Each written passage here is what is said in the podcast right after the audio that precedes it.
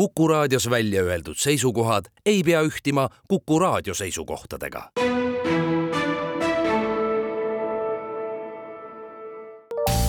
terviseks. saade valmib koostöös Ida-Tallinna Keskhaiglaga. vaata ka itk.ee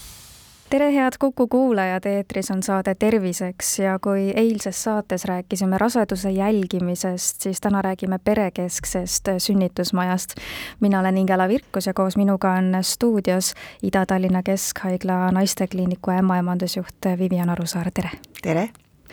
Kui naine on rase, on end ka rasedana arvele võtnud, siis ma usun, et isegi kui äh, naine ootab oma teist või kolmandat last, on äh, iga rasedus erinev ja, ja võib täiesti erinevalt kulgeda ning äh, sellist tuge spetsialisti poolt ootab naine selle üheksa kuu jooksul kindlasti, et kust ta seda tuge siis saada võiks või kellelt? just, et sõltumata sellest, mitmes rasedus, et iga rasedusega käivad kaasas omad emotsioonid, mõtted, vahest ka hirmud Eh, hakkamasaamise eest, sellest, et eh, kuidas elu muutub, et eh, kindlasti see toetus on vajalik ja ennekõike on loomulikult rasedale toetajaks tema oma pere. aga kindlasti on neid hetki ja olukordi, kus on vaja võib-olla natukene rohkem süvitsi minna nende küsimuste ja probleemidega ja siis on tervishoiu pool see, kes aitab ja täna on toredasti olemas perekoolid, kui on kriitilised küsimused, siis ka kriisinõustamine, psühholoogiline abi, et et kõik võimalused on olemas, aga ennekõike tuleb rääkida, et tuleb jagada seda muret või, või äh, küsimusi rasedust jälgiva ämmaemandaga ja siis koos leitakse kindlasti see kõige olulisem koht, kuhu siis pöörduda, aga perekool on kindlasti kõikidele mingil hetkel vajalik ja oluline Ida-Tallinna Keskhaigla sünnitusmaja on perekeskne sünnitusmaja, et mida see täpsemalt tähendab? see on väga hea, et me sellest uuesti räägime, sellepärast et äh, aastaid tagasi oli perekesksus sünnitusmajades hästi iseenesestmõistetav ja sünnitusmajade uksed olid lahti, paraku see mõne aasta tagune Covid tegi meil siin natukene oma tööd ja Äh, pani meid äh, teatud reegleid kehtestama, et tänaseks me liigume tagasi sellesse harjumuspärasesse maailma, kus me oleme harjunud tegelikult toimetama. Ja see tähendab seda, et sünnitusmajadesse on taas jälle oodatud kõik pereliikmed, et mul on selles mõttes hästi hea meel, et Eesti riigis me Covidi ajal ei lõpetanud ära peresünnitusi, et äh, meil on siiski nagu pinnas, kust edasi minna, on olemas ja, ja nüüd on ju taas kõik perepalatid avatud ja perekooli me kutsume ju koos pereliikmega ämmaemanda vastuvõtule, naistearsti vastuvõtule, et, et pereliikmega koos, et kuidas aga perekool siis naist toetaks nende üheksa kuu jooksul, et te mainisite, et kindlasti saab palju nõu ja tuge just perekoolilt? ja üldiselt suuremate haiglate juures,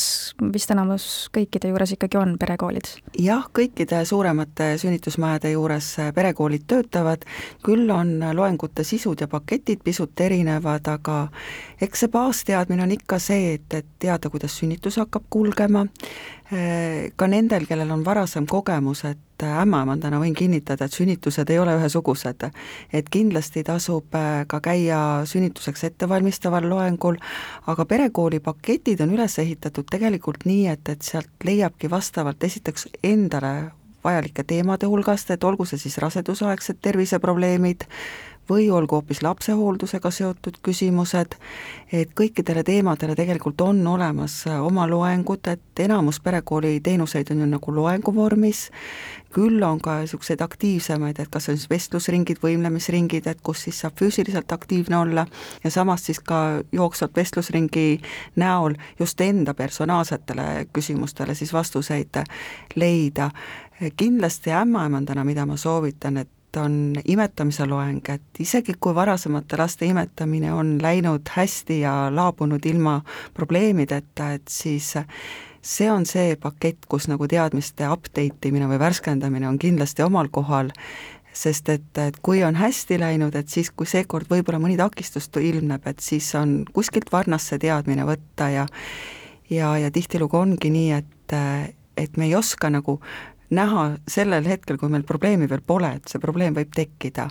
ja, ja loomulikult siis sünnitusvaludega toimetulekud, vastsündinu hooldused jah, et igalühel on seal sobivad teemad ja kindlasti perekoolis tuleks käia koos kaaslasega, kui vähegi võimalik. ja siin ma julgustan küll mõtlema sedapidi ka, et Covidist on midagi kasu ka tulnud, et täna on erinevaid võimalusi perekoolis osaleda, et, et meil on olemas äh, Ida-Tallinnas vähemalt on olemas nii kontaktloengud kui ka distantsloengud, et et kui võib-olla pereliige ei saa kohal olla, et, et siis võib-olla mõni loeng, mis hõlmab näiteks vastsündinu hooldus, imetamine, kus tegelikult võiks ka eh, siis teine pool osaleda, et, et seda saab ka distantsilt teha, et äh, igalühel on nagu sobiv variant olemas kui eh, rasedana arvele võetakse umbes seal kusagil kuuenda ja üheksanda nädala ajal, siis kas perekooli loengutes osalemiseks on ka mingi selline soovituslik aeg? Eh, no seal on nagu kaks aspekti, et üks on see, et kindlasti seda aega tekib rohkem siis, kui jäädakse juba siis eh, igapäevasest tööelust nagu koju eemale,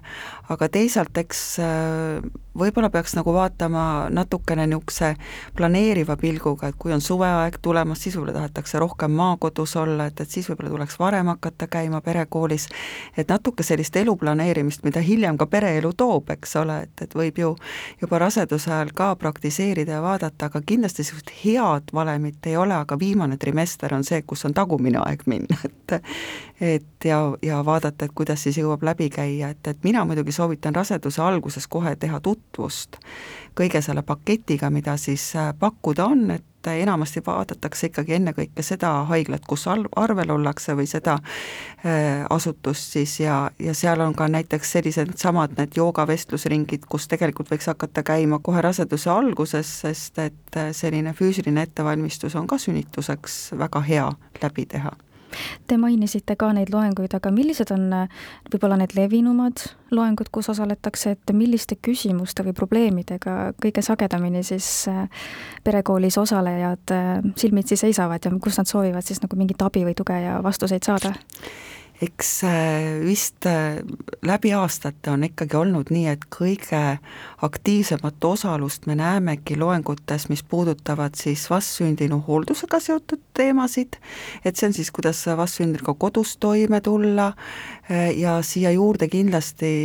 imetamine, ikkagi ei saa ümber ega üle. Ja võib-olla siin ka ära mainida, et vähemalt meie haiglas on selles mõttes hästi, et imetamise loeng on ka äh, perele ei too täiendavaid kulutusi, et kui muidu perekooli loengud on äh, enamasti tasulised, et siis äh, imetamise loeng on just seetõttu äh, tasuta, et, et see on nii väärt teadmine, et kinkida oma lapsele võimalikult terve elu ja et laps saaks tõesti seda toitu, mida, mida ta peab saama, eks ole ja, ja siis on äh, sünnitusega seotud, et seal on nüüd seda valikut on erinevat, et on neid, kes valivad pigem valudega toimetuleku suuna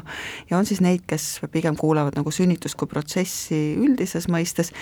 ja on ka neid, kes käivad kõik loengud läbi, et eks see valik ongi iga inimese enda teha, aga jah, kui nii võib öelda, siis hästi vajalikud loengud on tõesti need, et et kuidas lapsega siis tulevikus koos rõõmsasti kasvada ja noh, immuniseerimise loeng on kindlasti ja hästi populaarne on ka viimastel aastatel olnud vastsündinu esmaabi loeng ja ka kindlasti ütlen, et ääretult tarvilik teadmine noortele vanematele miks aga eelistada üldse perekooli, kui infot äh, ja materjali kõige selle kohta võib leida ka internetist, et äh, et mida teha rasedana ja mida mitte teha? no siin peaks alustama kõigepealt ilmselt sellest, et äh, perekooli puhul ka eelistama peaks neid perekoole, kus selle teadmise annab edasi siis vastava valdkonna spetsialist, erialaspetsialist, ehk siis tervishoiutöötaja või siis selles tervishoiuasutuse poolt siis nagu heaks kiidetud töötajad, kellel on ikkagi see taust kontrollitud, et ta jagab tõenduspõhist teavet, et need nõuanded, mida tervishoiutöötajad või noh, spetsialistid annavad, et need ikkagi põhinevad kas siis teadusuuringutel ja ja siis mitmete noh, ütleme, see kogemuse teema samamoodi ka juurde, et nendel põhimõtetel et äh, kui me läheme Google'isse otsima, et siis vastavalt sellele otsingusõnale, mida me sisse söödame sinna, vastavalt sellele ju meile tulemused tulevad välja, et kui ma otsin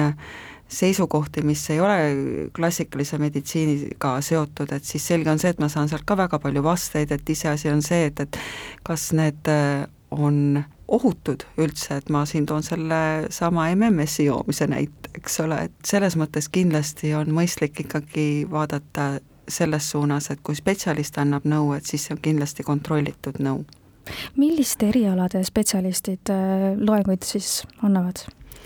et nii nagu raseduse jälgimine ja sünnitusabi, kui ta kulgeb normaalselt, on ju ikkagi valdavalt ämmaemandate eh, töövaldkond, et siis suures osas perekooli teevad täpselt needsamad ämmaemandad ja mis on võib-olla